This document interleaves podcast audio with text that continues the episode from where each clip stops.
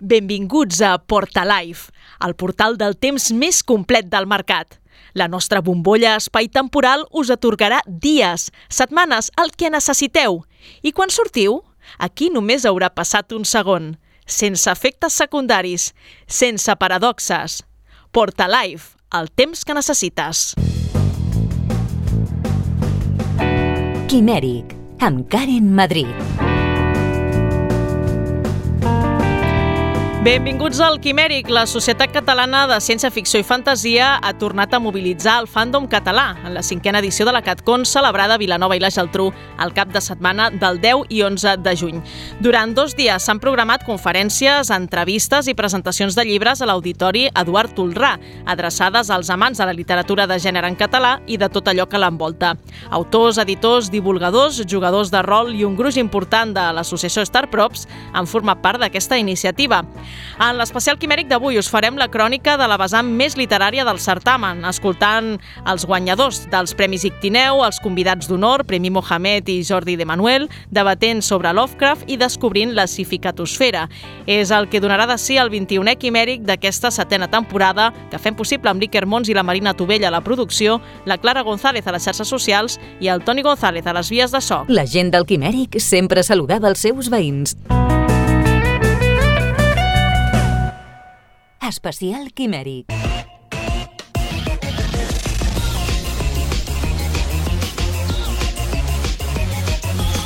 Comencem aquest especial CatCon amb la manera fàcil que és parlant de guardons, d'aquests premis Ictineu, que s'incorporen a la família del Fantàstic en català, però abans donem la benvinguda a l'Alfons Mallol. Què tal, Alfons? Bé, bé, m'alegra ser l'única persona a l'estudi que no té un nom que té una K. és veritat, ara, ara hi ha bastantes cases. Ostres, quin raonament. Sí, em trobo a faltar aquests raonaments, oi? Sí, sí, i aquell moment de dir, i ara com li contesto a aquest bon home, no? Pues bueno, m'ignores i continues. La gent que heu estat a la CatCon ja heu vist que l'equip quimèric doncs, hem fet pinya, no? Tots tres, l'Iker, l'Alfons, jo mateixa, la Clara també ha vingut, tot i ser confosa en nombroses ocasions amb la Marina, no? Era la Clara, sí. la Marina tornarà pròximament, i hem pogut gaudir una mica doncs, d'aquest cap de setmana a Vilanova i la Geltrú, i, i bé, l'objectiu final era saber qui guanyava aquests premis Ictineu que han seguit aquests processos de, de votació popular i també finalment eh, votació a través d'un jurat. I Reiker, a veure, fer-nos una mica de resum d'aquests premis perquè he de dir que altres vegades eh, ho porto més eh, sigui, som més conscient dels finalistes i aquest any eh, m'ha sobrepassat tot i he dit, mira, ja m'enteraré el dissabte o sigui, no, no, no he vist res i no he votat, ho reconec Oh, coi, ho, doncs hauries d'haver votat. Ho sento. Jo tampoc he votat. bueno, jo tampoc. Doncs, bé, molt bé, no ens podem queixar podem llavors. Començar... No, no, no, no, no ens podem queixar dels, no, dels guanyadors. No, no queixaré. Val. Uh, doncs a millor il·lustració uh, se'l va rebre Fundació per, de donar llibres per la seva espectacular coberta de l'il·lustrador eh, Guillem Pongilu, eh, Pongilupi. Quin cognom, eh, també? Sí, ostres, m'ho ha posat difícil. Portada guapíssima, eh? Molt bonica, molt maca, eh? Molt maca, la veritat és que és molt merescut. Uh, D'altra banda, millor còmic en català uh, a la paràbola del sembrador uh, de Mai més llibres, una obra d'Octavia E. Butler, uh, adaptada per Damian uh, Dufoy i John Jennings. Eh, bueno, és un guardó que, uh, que s'incorpora als premis... Bueno, és un guardó que s'incorpora al Premi Hugo, que també va guanyar l'any 2021, a millor història gràfica. Mm -hmm. D'altra banda, també millor antologia en català eh, per Friccions número 8 del Biblionauta i eh, millor conte en català eh, també ha aparegut en Friccions número 8 eh, La llavor humana de Carme Torres qui va dedicar unes paraules en homenatge. Bé, guanyar un premi sempre fa molta il·lusió. Oi? Però aquest me'n fa més que lo habitual, perquè ara us explicaré la història. Eh, vaig escriure aquest conte eh, per homenatjar una amiga molt amiga, de fet gairebé bessona, perquè ens portàvem un mes, que malauradament fa un parell d'anys va morir. I per mi bueno, tenia un jardí fantàstic, d'aquí ve de la llavor, i ella era fantàstica, també era una llavor molt maca. Llavors, a través d'aquest conte, em sembla com que he difós o he eh, propagat aquesta llavor i que és un doble homenatge en aquesta noia que es diu Anna Bosch. Una història una mica trista, eh? Sí, i, i merescuda de, de premi, diria jo. No he llegit el relat, però es coneixent Carme Torres segur, segur que se'l mereix. Sí, sens dubte. Uh, millor conte traduït en català uh, de, és, se'n diu Presència, de Ken Liu. Uh, el traductor Ed- Edgar Cotas assenyala que va ser un privilegi portar l'obra de Ken Liu a casa nostra. I en aquest cas volia traduir un autor que m'agrada molt i un conte que no havíem tingut ni traduït en català ni en castellà. I aquest m'agrada molt perquè és un conte que, que parla de, de no sentir-se d'enlloc i, i parla del tema dels migrants i crec que amb molt poques paraules aconsegueix tindre molta potència, així que m'alegro molt que hàgiu decidit premiar i, i li farem arribar al Ken Liu. Un dels grans premis va ser millor novel·la traduïda al català, que se'l va emportar El mar de la tranquil·litat d'Emily Sant Joan Mandel, eh, traduïda al català per Maria Rossix, eh, qui, va, qui no va poder venir a agafar el premi. Però els eh, editors de Cronos van eh, agrair, de, sobretot, a les tres dones imprescindibles d'aquesta obra. Volem donar les gràcies a tothom, òbviament, però sobretot a tres dones, que són les protagonistes aquí, les, les causants d'aquest premi, l'Emily St. John per escriure la novel·la, la Maria per fer-ne aquesta fantàstica traducció i la Laura Huerga, que ens va ajudar quan érem uns passarells i ens va presentar aquesta gran traductora, que és la Maria. I finalment la, eh, el Guardó Estrella, la millor novel·la en català que se'l van portar Daniel Genís per Uns déus ferotges, publicat per Males Herbes. Bueno, el Jan, eh, Genís es va referir als anteriors guardonats de l'Ictineu com referents del fantàstic en català. Diu que és tot un honor eh, compartir llista. La veritat és que no sé què dir, no, no hi comptava, eh? no és... Eh, no ho dic per dir, eh, han guardat el secret de manera molt gelosa, estic molt content, em fa moltíssima il·lusió, la veritat és que les persones que han guanyat en edicions anteriors el Premi Ictineu per mi són referents del Fantàstic en català, han fet una feina tremenda per normalitzar un gènere que a casa nostra doncs, no ho era gens de normal i que ara a la Viquipèdia el meu nom surti al costat dels seus, la veritat és que em, se'm posa la pell de gallina. No? Tinc moltes persones a qui agrair-ho, com que ho hem fet tots breu, no m'enrotllaré, però vaja, sí que vull agrair a les persones que m'han votat, a les persones que van llegir els primers esborranys d'aquesta novel·la i també eh, agraint als eh, companys que estaven aquí finalistes, doncs això, eh, ajudar a tots plegats a engrandir aquest, eh, aquest gènere.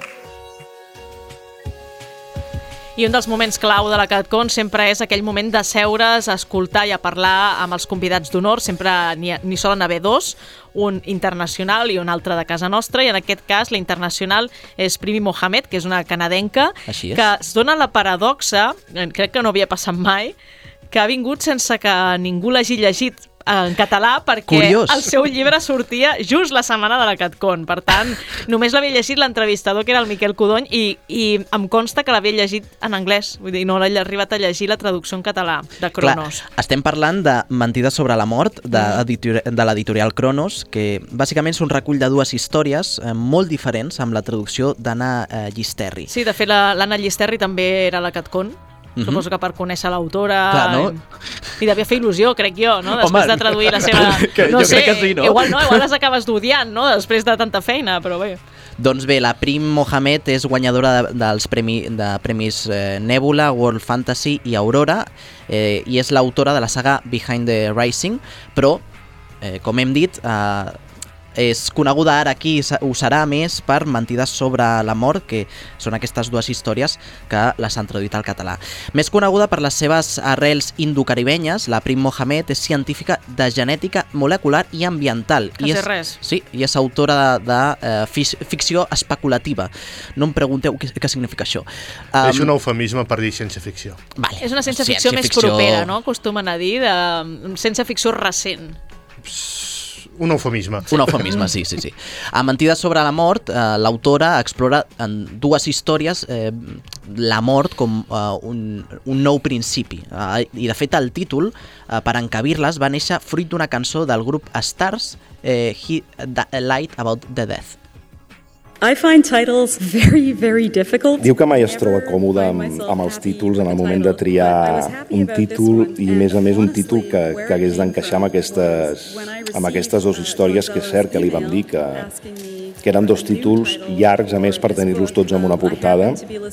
I bé, s'hi va posar a pensar després de rebre el nostre missatge i estava sonant una cançó de la, del seu grup favorit. I llavors va ser com, oh, mira, pues agafaré aquest tros d'aquí d'aquesta cançó i, i els hi proposaré. I que amb el temps anava pensant-ho i va veure que funcionava millor del que ella es pensava perquè en totes dues històries trobem la mort com un element essencial en totes dues però aquest amor no se'ns presenta necessàriament com un final. De fet, en què us podem oferir aquesta nit? És un principi i en These Lifeless Things és un, és una mort que és una no mort, perquè hi ha coses que sembla que estan mortes però d'alguna manera segueixen movent-se i segueixen participant de l'acció i quan una cosa, doncs bé, podem definir que està no viva o està morta o quines són les seves intencions. Així que va trobar que finalment el títol era més profund del que ella pensava en un principi. Ja sabeu, la xiripa sol funcionar. I com a matís, la cançó que estem escoltant ara és precisament He Light About the Death, del grup Stars. Uh, dins l'obra de Prim també es pot veure un gran crítica a la ciència tradicional i, i la seva condescendència envers altres ciències, normalment les socials. La Prim assegura que no escriu uh, la ciència-ficció des de la ficció, sinó des d'una crítica a la realitat. I, I don't consider myself as someone who writes hard I a més, de fet, jo no, no escric una ciència-ficció molt científica, tot i que molts lectors voldrien això, potser amb algun làser. La primera, de fet, té dos degrees, dos llicenciatures, dos graus, una en genètica i l'altra en estudis mediambientals, i al llarg de la seva trajectòria, tant acadèmica com de recerca, sempre ha trobat aquest, aquest prejudici envers envers les ciències socials. No? Em sembla que les certes ciències són les ciències reals i les altres són només ciències que, que et dediques a, a regirar en arxius i buscar informació ja generada. En aquest sentit, ella posava l'exemple, no? com la física es considera una ciència real que s'ha de respectar i en canvi altres disciplines com la psicologia o l'antropologia no ho són. No? A ella li molesta molt, molt això, li molesta molt la gent que fa això, no entén per què no, no pot haver un bon rotllo, d'alguna manera, entre totes les disciplines i, i això li passa a la, a la, a la protagonista del llibre d'Emerson en què es mostra això, no? com no se la prenen en sèrio, com no és una cosa no només de la història que està passant, sinó que es mostra que li passava abans i d'alguna manera parteix també aquest petit insert de, de la seva pròpia experiència i que la ciència és ciència.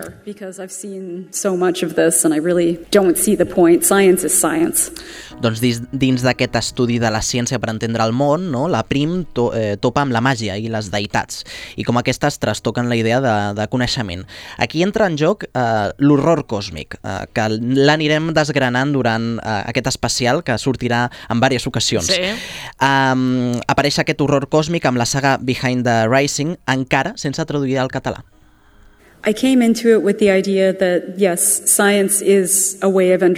Ella sempre ha vist, el, i més aplicat a la literatura, no? com la ciència és una eina que ens permet entendre la realitat, entendre el món, i com a, en la fantasia parlem més aviat de, de déus i de màgia com, com elements per, per moure'ns en aquell món. No? I, I li agrada, li agrada aquesta barreja entre ciència i fantasia, tot i que diu que, que el seu agent d'alguna manera el desespera una mica. I en el cas de Beneath the Rising, eh, mentre l'anaven movent per diferents llocs per poder publicar-la, molt, molt sovint en, els hi, els hi arribava la pregunta, no? Uh, què és això? Això és ciència-ficció o és fantasia? I la seva resposta sempre era sí. D'alguna manera, ella planteja històries on, on, on puguem, trobar, puguem trobar coses que, que, que no es poden explicar.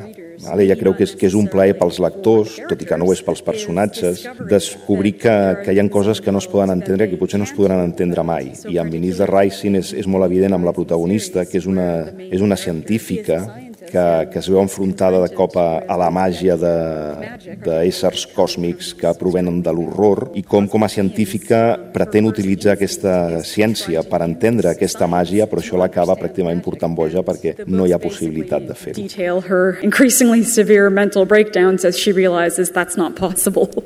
I això és el que passa quan eh, t'enfrontes a horrors còsmics. Eh, en tot cas, eh, aquestes dues històries que exploren eh, mentides sobre la mort neixen d'una imatge i una preocupació per saber quan van perdre la tradició i la humanitat. Literally was with an image. It was just a photo Va semblar una imatge que crec que vaig veure a Twitter d'una església que s'havia cremat, que estava molt a prop de l'aigua, semblava que s'enfonsava a l'aigua i em va començar a, a generar a generar preguntes, no? què havia passat, com s'havia cremat, estava abandonada, per què estava tan a prop de l'aigua, encara hi havia algú que practicava algun culte allà i això es va barrejar amb una idea com de com les, les cerimònies eh, també són importants per, per preservar la, la dignitat humana i, i com encara existeixen lloc, llocs on això pot passar però que potser ja no es valoren. I tot aquest concepte de l'església enfonsant-se a l'aigua és el que em va començar a generar aquesta idea d'aquest world building uh, que vaig situar en una ciutat que està, és, és fruit del desastre del, del canvi climàtic però vaig més enllà, és només l'escenari. Vaig a la cosa més, més petita en la història que és el més important que és com un grup de gent uh, es troba totalment oprimit no, no pot expressar la, la seva humanitat i són, són només recursos per a altra gent no? i aquesta gent que no pot fer això que no són només recursos de, de fet són, són els cortesans i és el, punt, el seu punt de vista com a cortesans d'un bordel el que volia expressar uh, pensant també en el relat de Gene Wolfe The Fifth Head of Cerberus on es parla de la perspectiva del bordel però dels propietaris no? i pues, és el mateix, no volia que sempre fos això sinó que donar la veu a aquesta gent oprimida no? i que tinguessin més, més opció a expressar-se i per això també l'argument va més de, de coses potser més, més, més visuals i, i d'idees més, més del grup de com poden gestionar. A group of people with less power la primera història, eh, Mentida sobre la mort, eh, ens situa en la pell de la Win, una prostituta que torna d'entre els morts per venjar-se d'un client que la va assassinar. Parla d'aquesta dicotomia entre el poder i la eh, carència d'humanitat. I la segona explica la investigació d'un grup de científics que analitzen el rastre que ha deixat una, inva una invasió alienígena dècades enrere. Uh, a través eh, d'un diari, eh, una hist la història vol qüestionar quins relats o quin relat eh, t'has de creure, eh, l'imposat o el eh, vivencial, tot i que cap dels dos tingui una font fiable. A mi m'ha semblat dues històries com molt diferents per estar en un mateix llibre, Sí. no trobeu? És com Molt que no tenen diferents. res a veure, no?, una amb l'altra. Sí, sí, és, però no és el primer cas. Vam llegir el grup de lectura alquimèric, el Friday of Black, que també tenia històries bastant dispars. És veritat. Però no, Però- no, no, era, no eren dos. No. No Clar, eh. representaven el- els dos pilars del Era llibre. una antologia, clar. Sí, sí. És estrany. Sí. Però bé, hi ha un altre convidat d'honor, en aquest cas de casa nostra. I es tracta de Jordi de Manuel, que és un autor amb una llarguíssima trajectòria. Um, anem a fer un resum ràpid, no? tot i que hi ha uh, títols que es perden en la llarga llista de, de, de publicacions que té. Ostres, déu nhi eh? Sí, té 16 novel·les per adults publicades, de les quals 9 són de l'univers de l'inspector de Marc Sergiot. I la majoria doncs, d'aquestes 9 són només novel·la negra, però d'altres estan barrejades amb, amb ciència-ficció.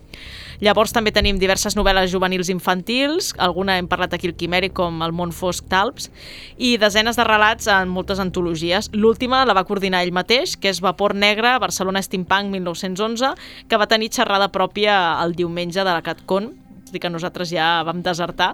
Eh, era un moment No direm res més. un moment complicat ja aquella hora. Durant la trobada amb el Jordi Manuel, que vaig tenir el plaer de moderar jo mateixa, vam fer un recorregut per aquesta extensa trajectòria i vam analitzar qüestions com el seu mètode d'escriptura. Ah, això va sorprendre. Es veu que pot treballar en quatre obres al mateix temps. Jo no sé com ho fa, perquè a mi prou feines puc tirar endavant una, imagina't quatre. Vull dir, Perquè no és literalment els quatre alhora, no té quatre teclats i quatre ordinadors. no, no em refereixo a això, però vull dir, ostres, centra't, en alguna, no? Vull dir, la majoria d'autors eh, només poden centrar-se en una. O poder té assalariats. Mini Ah. esclaus que li escriuen. El xat GPT té quatre xats GPTs que li van escrivint. A veure, també ens va dir que quan es posa a escriure, i això explica això de les quatre històries alhora, um, a vegades li venen idees i, i deixa doncs, la, la, idea, la que estava treballant per encetar l'altra idea, no? I llavors aquella et porta una altra idea i comences així i és com un bucle infinit. Llavors, uh, ell, perquè avanci la història, necessita tenir pensat l'inici i el final, i després entremig va construint. És una de les coses que va explicar. També ens va parlar de les seves prioritats quan escriu. que una de les coses fonamentals, fonamentals per mi és generar atmosferes. I aquesta és la A. La A, atmosfera. La B, que és una B baixa, es diu versemblança. La versemblança és que l'escriptor, només en paraules, sigui capaç de fer creure la seva mentida, perquè els escriptors de ficció són mentiders, estem explicant mentides. És ficció, és mentira. Però que ha de semblar veritat, i per tant la meva, mm, La meva, és la meva veritat, però és mentira, eh? I això ho heu de creure. Si el Kafka, quan fa que Gregor Samsa el lector no vegi que li estan sortint apèndix descarbat, aquell, aquell relat que hauria de les mans és versemblant. Per tant, la versemblança és la meva B, B baixa. I la meva C, és a dir, el meu ABC, la meva C és colpir, emocionar, commoure. Jo li poso la C de colpir, de commoure. Si un escrit meu no té aquest ABC, B baixa C, atmosfera, que jo, el lector, de seguida es fiqui en aquell món. Si no té versemblança, és a dir, no es creu, hi ha algun personatge que cau, o hi ha alguna història que no, això no m'ho crec, o se sent estafat perquè pensa que hi ha alguna trampa, o si no el commou, no l'emociona, ni que sigui en un moment donat, a l'últim paràgraf o enmig, jo com a escriptor penso que no ho he fet prou bé. Per tant, aquest és el meu ABC. Per contra, tot i tractar en la seva obra molts temes que estan relacionats amb les seves preocupacions, per exemple, els problemes mediambientals, perquè hem de recordar que és ecòleg. Això em sembla molt interessant. Perdona, eh? L'incís, però sí, sí, no, no sabia l'existència de el, el tipus de ciència que és la... Um, això? L'ecologia. Uh, però, però la ciència, Ecologia. no el moviment polític. Una cosa és l'ecologia i l'altra és l'ecologisme, Ah, que veus? també va sortir en el debat per una patinada meva. també s'ha de dir. Però bé, no passa res, no passa res. Jo crec que ell també és ecologista en el fons, a part Sí. de ser ecòleg, no? Perquè si no... Bé, ens va admetre que, tot i aquestes preocupacions que ell plasma, les seves obres, la seva voluntat no és ni de lluny canviar el món ni canviar la, la manera de fer de les persones. No tinc cap intenció d'interferir en res. Tinc intenció d'entretenir, de criticar, evidentment, perquè deia... Que sí, eh? Sí, clar, perquè jo poso el, el, el, la lupa a l'esquerda de la societat, i això sí, però no sóc tan ingenu com per pensar que de, o algú, després de llegir la meva novel·la, doncs serà molt més respectuós amb el medi, o serà molt més respectuós amb les persones, o serà mm, deixarà de ser un, un pervers en alguns aspectes. No tinc cap intenció de reformar, ni redimir, ni canviar la conducta de ningú. Fer pensar? Fer pensar, per suposat, i entretenir sobretot, perquè sóc autor de gènere. I per tant, el gènere també és entreteniment. Això no m'oblido mai. És a dir, una de les coses que, que a mi m'obsedeixen com a escriptor és avorrir el lector. Per això jo no tinc cap, cap novel·la que passi de les 300 pàgines. També vam aprofitar per fer un balanç de, de tota aquesta trajectòria. Li va costar molt, de fet, després en el sopar em va admetre, doncs, ostres, podria haver contestat d'una altra manera, no? Uh, ell lamentava, no? Diu, la resposta que vaig fer és molt des del Malik, dic, home, ets el convidat d'honor, si no pots parlar des del Sí, clar, Malik per sent un convidat d'honor, mala cosa. Ja li vam comentar això. Exacte, però no, ell el que deia que diu, ostres, no, no he fet un balanç més de els lectors que han darrere i tal, però bé, escoltem el seu balanç. Que he escrit el que he volgut, he publicat en qui he volgut, no sempre. Això seria una mentida. I a vegades eh, voldries publicar amb algú, no pots, i publiques amb un altre. Això una vegada ha passat. Jo he estat un, un escriptor, si més no fins ara, d'un sol editor. Si mires les editorials, he anat uh, amb diferents editorials, de vegades les que estaven vinculades als premis. Mm? Això també.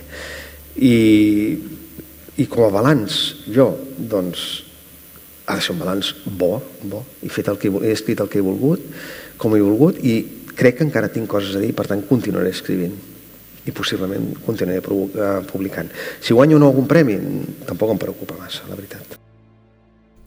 Però tot i aquest balanç encara té moltes obres per escriure, esperem que tinguin molt de temps no, per escriure-les perquè en té moltes d'iniciades, no? com també dèiem, no? I una de les gràcies d'aquesta trobada és que va servir per treure titulars. Per exemple, ens va anunciar quan sortirà el seu pròxim títol. Sortirà al setembre, sortirà una novel·la que em fa molta il·lusió, que porto anys treballant-la. Anys. I és una novel·la que és una space opera. És una novel·la que passa en una nau espacial que forma part d'aquell univers de que vindrà el cometa, mentre el cometa arriba. I aquest, aquesta, aquesta, aquesta nau va preparar una estació interestel·lar a Caront. Caront és un satèl·lit de Plutó, que Plutó ja va perdre la categoria de planeta de l'any 2009 perquè és massa petit. I llavors van cap allà, no explico només al principi, eh, perquè no vull fer spoilers, això sí que ho puc explicar perquè és la primera pàgina, i el comandant de la nau, de la nau espacial, que té forma de cub de Rubik, cub de Rubik com el, com el robot de, de, dels talps.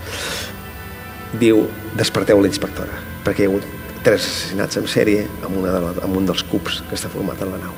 I a partir d'aquí és una novel·la negra, molt negra, però amb elements de ciència ficció claríssims. Hi ha robots, hi ha viatge espacial, hi ha especulació científica, hi ha de tot. Hi ha novel·la de menys de 200 pàgines. Si més no, amb el manuscrit eh, en doble espai. Després quedaran 220 o així. Hi ha, hi Quin ha, editorial? Sortirà amb Crins.cat. Amb una, amb una editorial que és una col·lecció negra, o sigui, de narrativa negra. I per acabar l'entrevista, doncs, li vaig fer un petit qüestionari. Tenia ganes de fer un pregunta-resposta, pregunta-resposta. No me'n vaig en sortir molt bé perquè té, és de respostes llargues, però ho vaig intentar. Sí, sí. No ho hagués dit mai. I això que anàvem amb crispetes, però bueno. Que, literalment, eh? Literalment, literalment, que literalment. després, quan va acabar la xerrada, me'n vas oferir, per tant, dono fe davant de l'audiència del Quimèric que hi havia crispetes a la sala de la CatCon. Jo estava al costat, dono fe també. Escoltem el qüestionari. Llibre, en paper o electrònic? En paper. Lectura, durant els àpats o al llit? Ni als àpats ni al llit. Al llit perquè cada vegada se'n tanquen més aviat els ulls, quan hi ha més de 200 pàgines, per cert. I, i els àpats perquè em costa molt llegir mentre menjo. En altres moments. Quins? A, a la cadira de llegir, al sofà, a, la, a molts llocs. A, a als transports públics, m'agrada molt llegir. Al, al metro i l'autobús eh, m'agrada molt llegir. Per quina obra t'agradaria ser recordat? Uf, que difícil. A mi m'agradaria dir per moltes. Doncs per quina obra no t'agradaria ser recordat? No pas per la que, no pas per la que té la, la coberta més lletja del món, que la podeu trobar allà. No, no, per aquesta perquè me l'estimo molt. És una novel·la magnífica, és una space opera... Bueno, va, sí. Quin llibre d'un altre autor t'hauria agradat escriure tu? Bu, ah, sí, El Molineu d'Olaire, Arto Pasilina. Si no l'heu llegit, aneu-lo a buscar. Quin llibre d'un altre autor creus que no s'hauria d'haver escrit mai? Doncs bé, jo diria que qualsevol llibre del Paulo Coelho. Quin llibre teu o d'algú altre t'agradaria veure convertit en pel·lícula o sèrie? L'olor de la pluja. L'olor de la pluja. Tot i que els, no ho saps, però el, el Montfos va estar a punt de fer-se un guió. Va entrar dins de- d'una mena de laboratori de, de laboratori de guions, va, va concursar i al final no, no va guanyar perquè hi havia un ajut que es pagava directament al guionista, món fosc. Era un, molt difícil perquè és un, era un ambient completament fosc, claustrofòbic, que passa sota terra. Dius, són massa cars. Suposo que van veure que allò els efectes especials sortien massa cars pel cinema, pel cinema català. Si la saga de Marc Sergiot fos una cançó o una banda sonora, quina seria? Lola, da, da, da, la Lola, The Kings. Si no els coneixeu, escolteu-los, estan a Spotify. I quina persona o persones que coneixes han acabat sent personatges a les teves novel·les? Uh, tinc un molt bon amic que és catedràtic de bioquímica, que a més a més té una veu meravellosa, amb veu alta, té un, té un, unes, si heu sentit alguna cosa amb veu alta, és la veu. És el Miquel Llobera que el transforma amb, el doctor Miquel Olivera i apareix a La mort del corredor de fons, que és una novel·la que també és, és molt negra, amb molt pocs elements fantàstics, i allà el faig sortir des del principi i va sortint intermitentment. I, és, i estava pensant en el Miquel i amb el seu gos. Ai, és que ara reiem, eh, de, de les preguntes-respostes, com lo de la portada més lletja del món. Oh, que discutible, discutible. A veure, és lletja, eh, la portada de... Sí, però aquella col·lecció de Pagès Editors té unes portades molt lletges. Me'n un cop que la Carme Torres va dir que s'hi va posar perquè no li fessin una portada massa lletja. I ho va aconseguir Sí. una mica de dignitat. Sí. Perquè... sí, sí, perquè era bastant bonic així amb una ballarina i tal, però és veritat que just, justejaven una mica, ara ho han arreglat. Justejar? Des, de, des del Bueno. meu punt de vista. Tenen subvenció. que, que precisament la conya d'aquest llibre, a part de la portada, és que el Menut, si ens estàs escoltant Menut, porta 20 anys demanant-li a l'autor la segona part d'aquest llibre, perquè ell es veu que en una entrevista va dir en un moment donat que podia continuar la història de tal manera però mai s'ha posat a escriure la continuació i el Menut no para de preguntar-li des de fa 20 anys per quan la continuació del Cant de les Dunes. Espavila! I, i, que m'ho va tornar a preguntar el divendres, abans de la CatCon, que vam estar sopant, precisament amb el Jordi Manuel, la seva dona, la Primi Mohamed, Mhm. i, i, i el Menut ho deia, diu, "Però pregunta-li, eh, pregunta-li. Ho vaig preguntar, però clar, evidentment va dir, sí, sí, estic, Eh, estoy en en, ello, estamos. sí, sí, estic, ho estic fent, sí, sí. Llavors també va ser bastant graciós um, que la ronda de preguntes, Oh, normalment... moment estrella, diria, eh? El, el de Wikipedia. Hombre, A veure, fantàstic. anem a explicar als oients. Tu què esperes d'una ronda de preguntes? Doncs comentaris, més aviat, no? La gent normalment fa comentaris. Més que una pregunta és una reflexió. Sí, doncs, Exacte, la doncs no, típica. resulta que hi havia algú que tenia una pregunta i una pregunta que em va fer sentir mm, molt mala presentadora, perquè jo arribo a tenir aquesta informació i començo, començo així, la xerrada, que és, um, li vaig preguntar, per quan uh, sortirà el projecte Fahrenheit? I clar, aquí el Jordi Manuel es va començar a posar nerviós i va dir com saps tu això? D'on has la informació? Com ho saps? Com ho saps? I ell, de la Wikipedia, i clar, va ser com... Mm, Merda. No pot ser, no pot ser, com pot ser que estigui a Wikipedia? Diu, de la subvenció de la Generalitat que et va donar i ell, merda. Llavors, clar, es va veure obligat a explicar-nos què és això del projecte Fahrenheit. I, mm, bueno, el que ens va acabar explicant, aprofitant doncs, eh, que s'ha publicat un llibre de la Catcon, Mhm. Amb, amb una selecció de relats, i un és del Jordi Manuel que es diu Marlowe. Llavors ell ens va admetre que aquest relat adaptat és el pròleg d'aquest projecte Fahrenheit, que encara no té data ni tampoc té nom definitiu perquè li falta el final. Però sí que va explicar, i jo crec que el tenia bastant desenvolupat, malgrat no tenir el final, el punt Sí. de partida era bastant interessant Sí. Sí. que era um, que hi ha una mena d'àcar com si fos un coronavirus, no? però amb àcar, i que, clar, està amb la, amb la roba, amb, a- amb els matalassos, amb els objectes de casa, i, clar, tothom es veu obligat a estar fora al carrer per no contaminar-se aquest àcar, que si t'entra per qualsevol forat del cos, et mata en un termini molt curt de temps. A veure, jo ho veig com a, com a pel·lícula, com a molt- sèrie... molt sí, sí. Mm, ens vam quedar tots amb un pam de nas. Clar, perquè, ja et pots imaginar el que pot passar a tothom al carrer. Sí, però és que Eh. tampoc pots utilitzar mantes. Els hospitals han de ser tancats pel mateix. Exacte, si llegiu el relat aquest de Marlowe, de, tu- de tu et va tocar el llibre tots. també, Alfons, o no? Eh? Tu vas ser entre els primers sent es- inscrits? Tens el llibre de la Catcon? Ah, crec que sí. Doncs Deu llegiu el relat i encara. veureu cap a, cap a on va el nivell de, de maldat, no? Que, i, i De crueltat. Cap, sí, cap a, on, cap a on evoluciona, perquè ell comença que...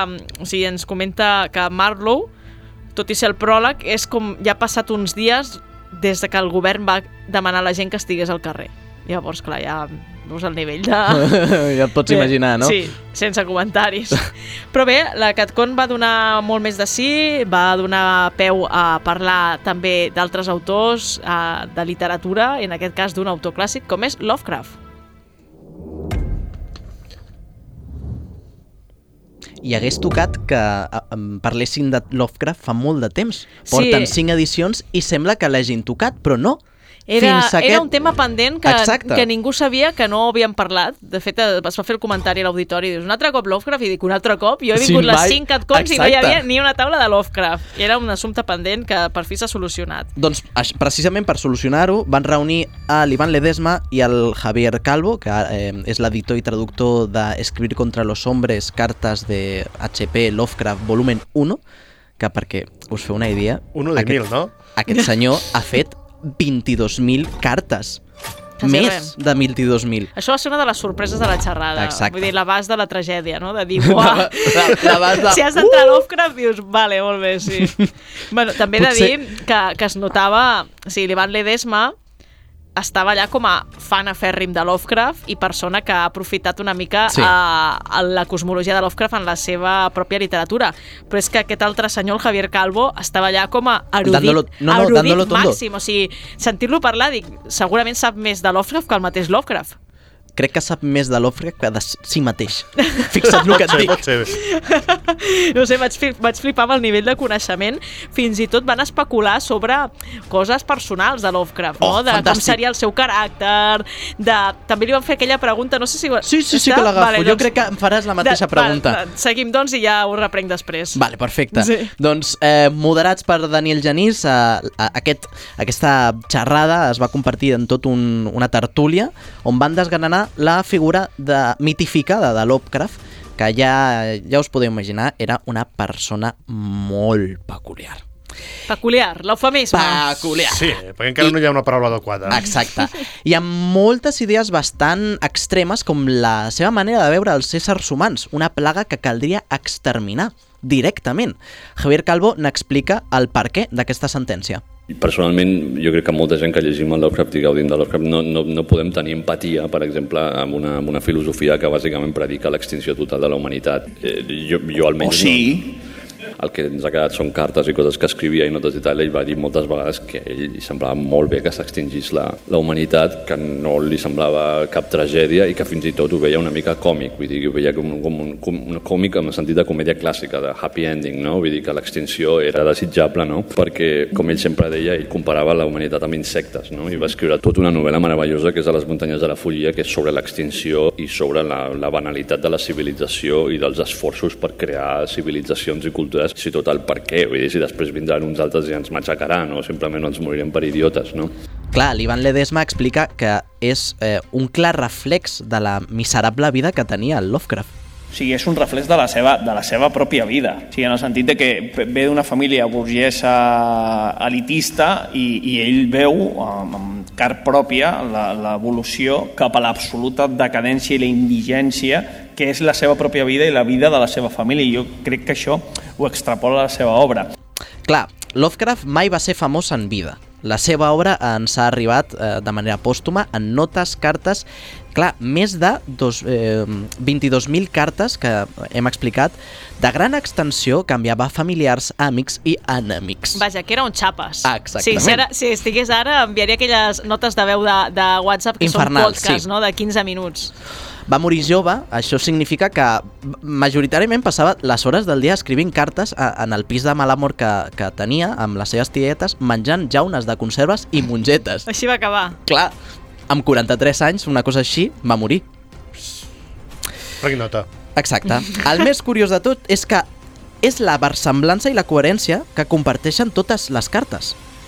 La vida del Lovecraft, l'obra del Lovecraft, eh, la filosofia del Lovecraft i les cartes del Lovecraft és que tots són una sola cosa. Sí. Vull dir, és, és, un, és, un, és una coherència absoluta. És a dir, la seva vida il·lumina la seva obra. Va dius, molt dius, com pot ser possible que un tio que mai no va fer res, que mai no va sortir de casa seva, que vivia en una ciutat de merda i que va tenir una vida completament tediosa, que la seva vida il·lumini una obra com la que va escriure. Però és així, vull dir, sí, Sí. sí, que hi ha, sí que hi ha eh, moltes maneres de llegir la, de llegir la seva obra a partir de la seva vida, viceversa, les seves cartes, tot és, un, és una sola cosa.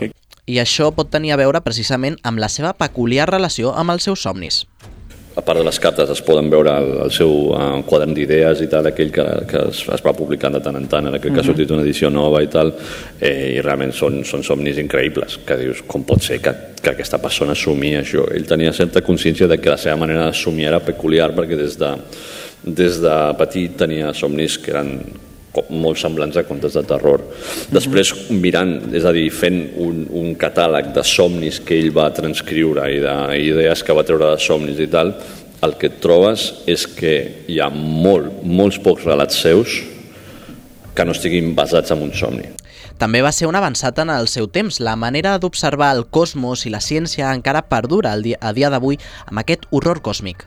I aquest senyor parlava ja d'aliens, de, de genètica pràcticament, o sigui, feia una, un, un treball a nivell, a nivell, jo crec que, de ciència-ficció, amb un component molt de ciència, aunque sigués pròpia, però jo crec que té, que té aquest concepte de universal de, de l'univers, no? de, la, de la immensitat de l'univers, que una persona dintre de casa seva, amb les, com, per, per fer la paròdia, no? amb les seves tietes, que tingui això al cap, a mi em sembla increïble. O sigui, té sí, Sí, sí, un no, concepte... no. I sens dubte, l'horror còsmic és, és un llenguatge nou que es va inventar ell. Sí. I no és, ja no és ni terror ni ciència-ficció. No. Estem debatent si, si parlava o no de genètica, oi? Sí, perquè mm, és el primer cop que sento aquesta referència. Bueno, Però clar, Alfons, és que no estàs en el mateix nivell. No, clar, jo estic viu, no et fot. Tu has llegit No, les 20... coi, no, però- Has llegit les 22.000 cartes de Lovecraft? Clar, no, No. estàs a Ah, l'altura no? de, de, del Ledesma i, i del Calvo, lo sento. No. Uh, en tot cas, aquesta... mm, Pel que fa a... Ja ens hem m'he perdut el fil, ja. Cago en la puta. Que Uh, parlam de l'actualitat, no? Això, d'aquí la seva actualitat. Ara més que mai, Lovecraft sembla estar de moda i a la literatura s'ha convertit en un eh, imprescindible de les llibreries. Lovecraft és, un, és el que es diu un long seller. El Lovecraft no es torna, les llibreries no el tornen. Mm -hmm. Això ho, ho he descobert amb això. Vull dir, se'l volen quedar perquè saben que, que, el, que el món està ple de friquis com nosaltres que ho acabaran comprant. Completistes, per completar. Sí, sí, sí. I si tens una cosa nova de Lovecraft, doncs l'agafaràs. Pel que fa a l'audiovisual, no hi ha tanta sort. Ivan Ledesma parla d'una maledicció. Està una mica maleït, perquè si et fixes, les grans produccions que fan servir Lovecraft com a imagineria acaben fracassant. I, i té una... És del cine. Ah, del cine, del cine. sí, sí. O sigui, si et fixes, o sigui, jo quan, quan ho intenten fer, Guillermo del Toro, tu dius Guillermo del Toro, eh, intenta adaptar a l'obra magna que ha intentat adaptar tothom, no ho aconsegueix. O sigui, no ho ha aconseguit. Si no ho aconsegueix Guillermo del Toro, no ho aconseguirà ningú. Ah, però espera't, perquè aquesta maledicció també eh, la va arreplegar l'Ivan Ledesma. Sí, això t'anava a dir que ell va ser el primer damnificat, eh? Ah, exactament. En una anècdota va, va explicar que com va aconseguir un Necronomicon, aquest metallibre de l'horror còsmic. Jo tinc un armari, perquè tinc un Necronomicon així, i clar, eh, no, no, no m'hi cap en cap altre puesto. O sigui, Pa Parla'ns del Necronomicon, Ivan, que he trobat No, unes informacions bueno, molt curioses. Però això és, a veure, que és, que és, una, és una fricada, o sigui, el, el Lluïsot va fer un Necronomicon fa un munt d'anys, eh, ell el va començar per moto propi, o sigui, el va voler fer, després eh, era Edicions Titanium, em sembla, és que no me'n recordo, Ti- Titania o una cosa així, van fer, van fer una biografia del Lovecraft i li van demanar de si podien ficar algunes de les fulles d'aquest Necronomicon que va fer, ell va dir que aprofitava el fet i acabava el Necronomicon, o sigui, el faria complet, perquè bueno, tots sabem que el Necronomicon no existeix, és un metallibre, no? Suposo que ho tenim clar. I llavors ell va fer com una mena de bestiari amb sigils i tal, i llavors jo vaig anar per, per, per un d'aquests projectes maleïts que intentes fer pel·lis amb, amb temàtica Lovecraftiana que no surten i en aquell moment estaven preparant una pel·li i li vaig demanar els drets per, per poder ficar el seu Necronomicon i me'ls va donar i van fer uns fotolits gegantins i van fabricar el llibre així amb pell estranya, una mica a l'estil del Sam Raimi del seu Necronomicon de l'Evil Dead i tot això, però amb un llibre molt gran. I no es va fer la pel·li, però es va fer el llibre per, per, la, per fer el tràiler i tot això, vam fer el llibre i me'l vaig quedar jo. Estic maleït des de llavors, sigui, tinc un Necronomicon, sé que eh, em tornaré més foll del que, del que ja estic, però bueno, escolta, el disfrutem molt. O sigui, és part d'aquesta cultura pop que genera Lovecraft entre, entre els fanàtics. Jo crec que aquesta maledicció ho explica tot. Tot, tot, el, que envol, tot el que envolta Ivan Ledesma, tot, tot està explicat per aquest Necronomicon.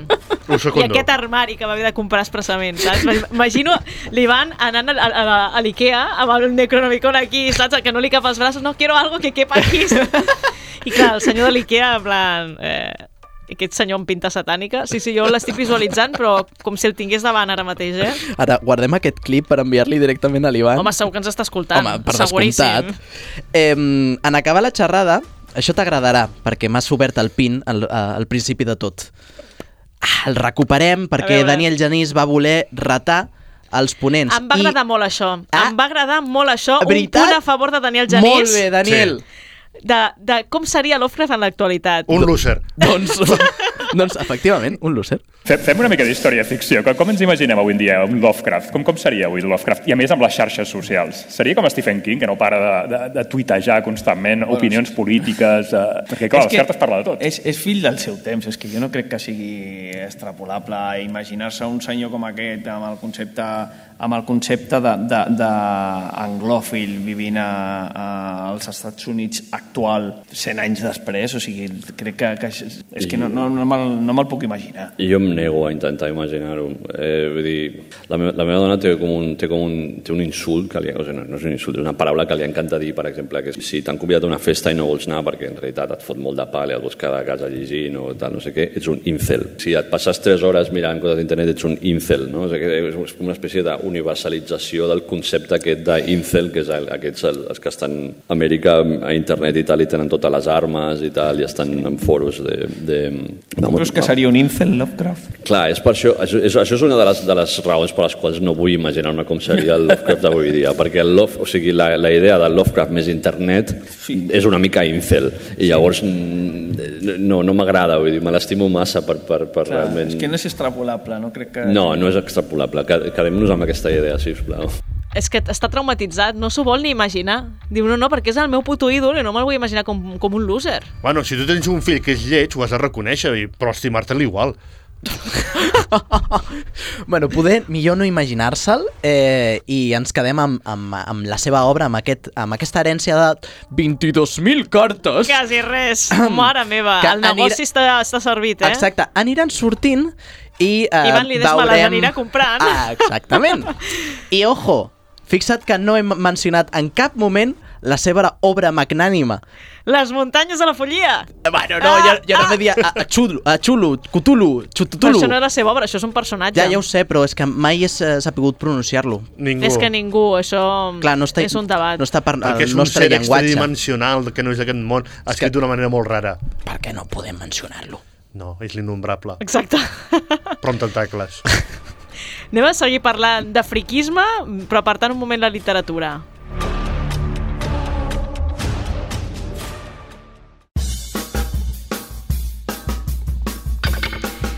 I a part dels continguts més literaris, a la CatCon també hi ha hagut altres taules, com per exemple l'orientada a la divulgació del gènere fantàstic en català que hem anomenat la Sificatosfera.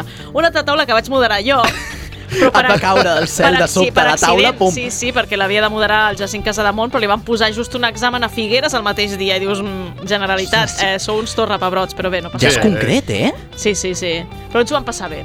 Ens ho vam passar bé, la És veritat. l'important. I Fot- calia representar el quimèric en aquella taula.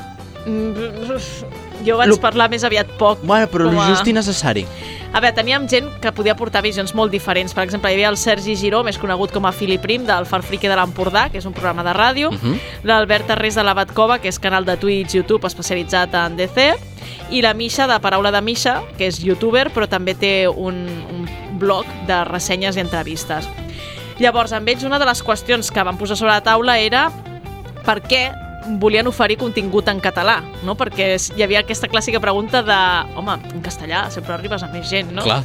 I la resposta va ser molt clara. Escoltem què en deien en Filip Prim i l'Albert Arrés. En cap moment ens, ens, va, se'ns va ocórrer el fet de, fer-ho en castellà. No m'imagino jo fent un, un entretaranyines, com es diu al meu podcast, o les tertúlies el farà en castellà, és que ho veuria molt estrany. I sí que et trobes la, la típica pregunta de és que en castellà arribaries a més gent.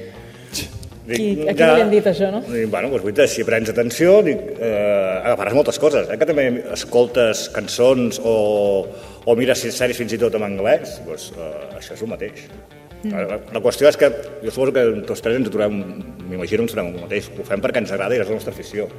És a dir, el mateix, nosaltres fem perquè ens ho passem bé. Si a més a més algú s'ho passa bé amb nosaltres, hòstia. Que aquesta és, és una de les grans sorpreses que hem tingut, eh? és la comunitat que se'ns ha format al voltant i, i no tots són catalanoparlants. Vull dir que, o sigui, jo ho fem tot en català, menys una vegada o dos puntuals que el noi que portava un convidat al canal no és ni de terres catalanes ni en tenia el català.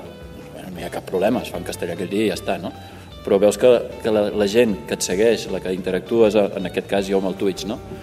que són gent, jo ho conec, per ell de casos, un noi de Galícia, un altre de Madrid, i, i, i no tenen cap problema en seguir els programes. I per què el, el fem nosaltres en català? Doncs pel mateix. P- Perquè és el millor idioma del món. Clar que sí. Continuem.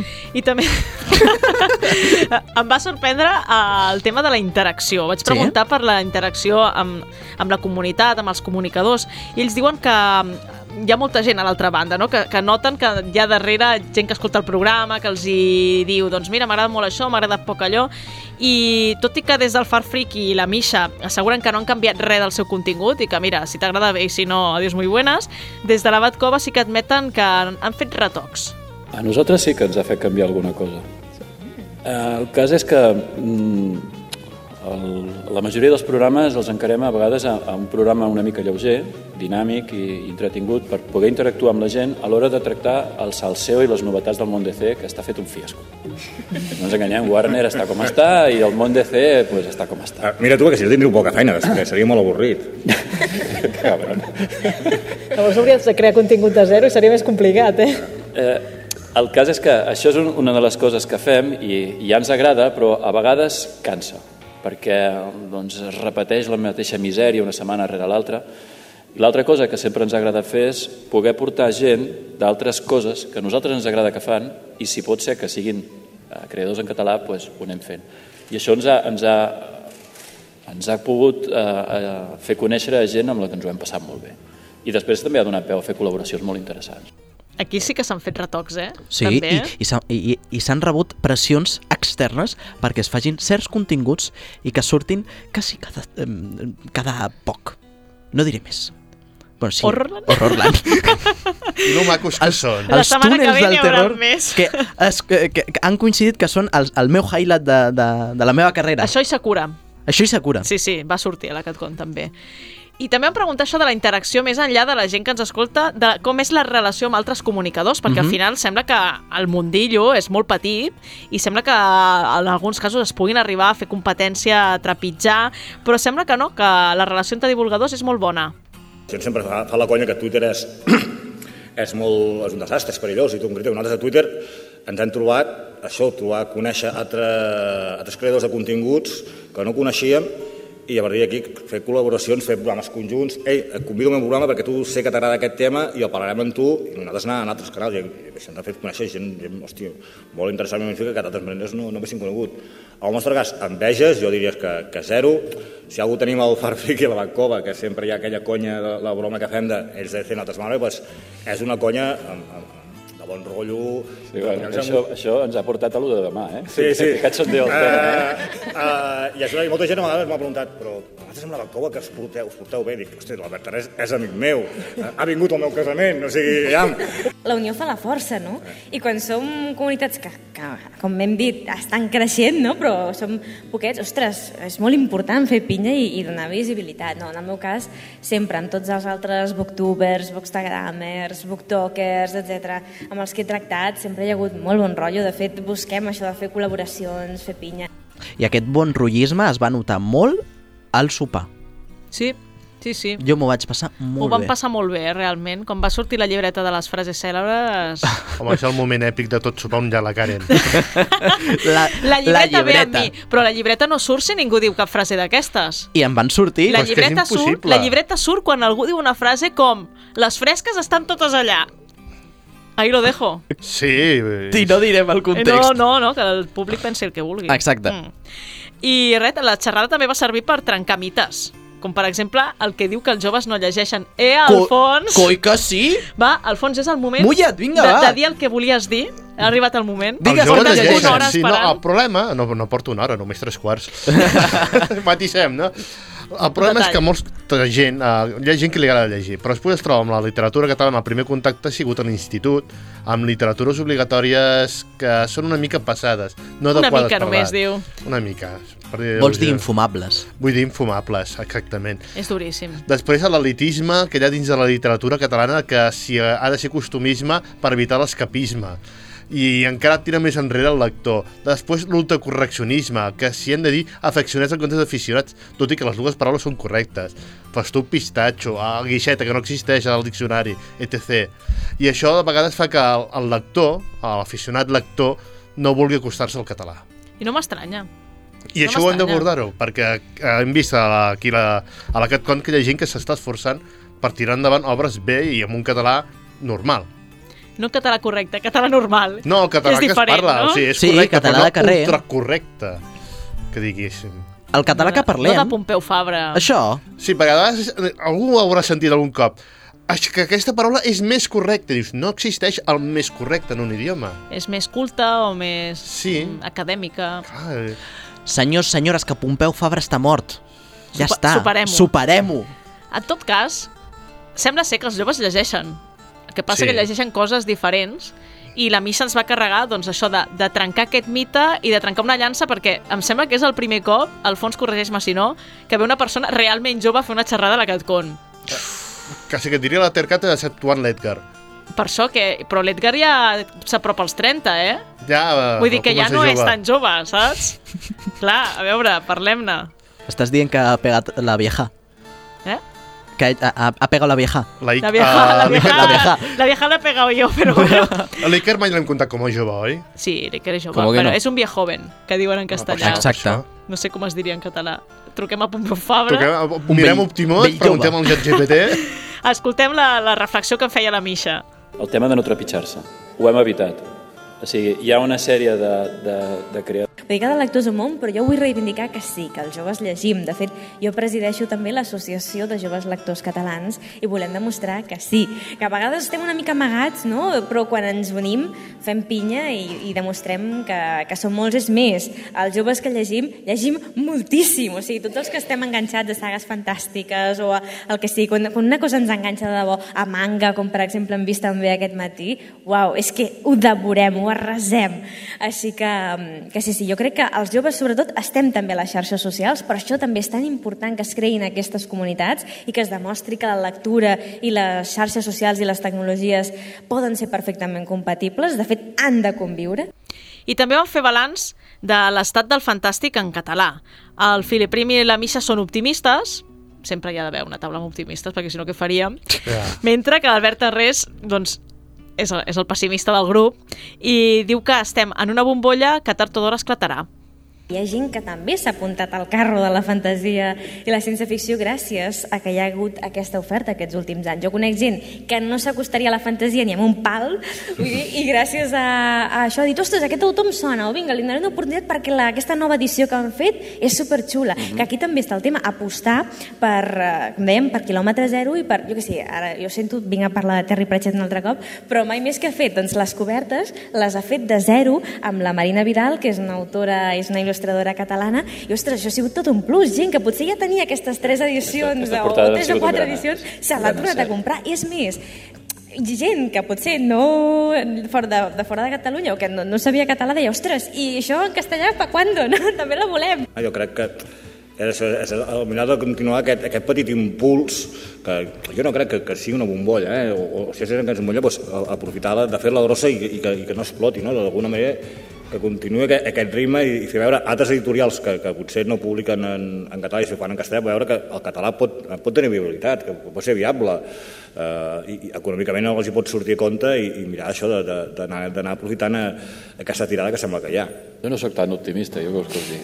A veure, uh, el que no és normal Sí, sí, és que ha, hi ha un perfil que si no el coneixeu el busqueu i el seguiu, vale? que és el de doblatge en català i el de des del sofà.cat.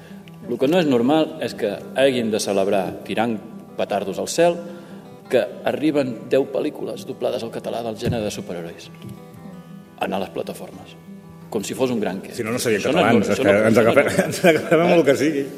Eh, ara sí que amb l'SX3 hi ha un boom de coses en català, hi ha el manga en català, va anar molt bé, però eh, a mi l'editorial de referència meva pels productes que a mi m'agrada comprar, ECC, Zero. no està fent pràcticament res. Què dius del doblatge, Iker? No, no, no em posis en aquesta tessitura. No em pressionis. Si t'has d'enfadar és el moment. No. Et puc pressionar allò, guapo? És que saps què passa? Que a totes les xerrades, salons i coses així, eh, hi ha un rum-rum d'aquesta Sí. reclamació Un rum-rum és el de els joves no llegeixen, tot és culpa dels joves. I l'altre rum-rum és, és que el doblatge en català... Mi, mi, mi, mi, mi, mi, no? Exacte. I pensem una cosa. A Tenim veure, el millor puto doblatge d'Europa, però no passa res, eh? Sí. ho, Sí. ho podem dir i amb orgull. Aquesta és la cosa. El problema està en que portar un doblatge és molt car. Mm. I si això depèn de la institució pública, que de primeres tampoc és que tingui molts diners, sí que els té, però no tants com una privada, per exemple. Clar, el que estaria interessant és que eh, nasqués una plataforma privada dedicada exclusivament a això, un Crunchyroll en català. Doncs mira, és que ja has Mm. donat la idea, què més vols? No sé, jo ho llenço. I, i mira, no m'he enfadat tant. Però és que Veus, com, veus? És que s'ha de treure, és que- s'ha de treure, su- un ha de dir el que Com surt pensa. a tot arreu, m'enfada. I dic, estan fent molt bona feina. No li tireu pel, pel Home, terra. sempre hi ha alguna, alguna patinada, com la que han fet amb cites, però part Ah, sí, d'això no... no, una... Però si no m'erro, el doblatge dels Anells del Poder va ser... Està molt bé. És decisió privada d'Amazon. Sí. I és un, un doblatge collonut. Està molt ben O fet. sigui, és millor, I friqui. millor en català que en castellà. Tot i, I- que són els mateixos dobladors. I de fet ho parlàvem perquè um, les diferents races, ho, m'ho Sí, vas sí, ho vas explicar tu, comentar allò. uh, les diferents races Parlen uh, diferent. parlen un diferent. dialecte concret, no? un català diferent per diferenciar-ho. utilitzen paraules més antigues, per exemple, per parlar. Però igualment actuals, que pots entendre. Exacte. O sigui que això és un mite que ha de sortir amb alguna taula rodona i ja Coi, està. per favor, que sortirà, sí, però que cal una iniciativa privada i una pública també, les dos, competència. I ximpum. I ja està. I, i se'ns ha acabat el temps. la tonteria. Ens podem anar. Uh, el programa de- d'aquí 15 dies encara desgranarem algunes coses més, per tant, no patiu, que tindrem temps de desplegar-nos. Gràcies, Alfons, per tornar. Si vols tornar d'aquí 15 dies, endavant, eh? Sí, tampoc tinc res a fer. Doncs apa.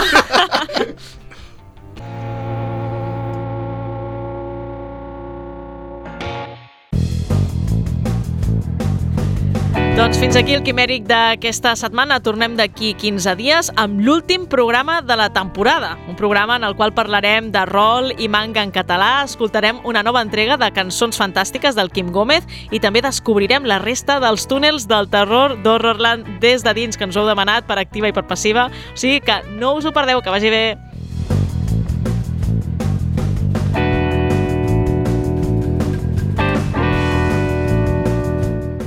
Quimèric, amb Karen Madrid.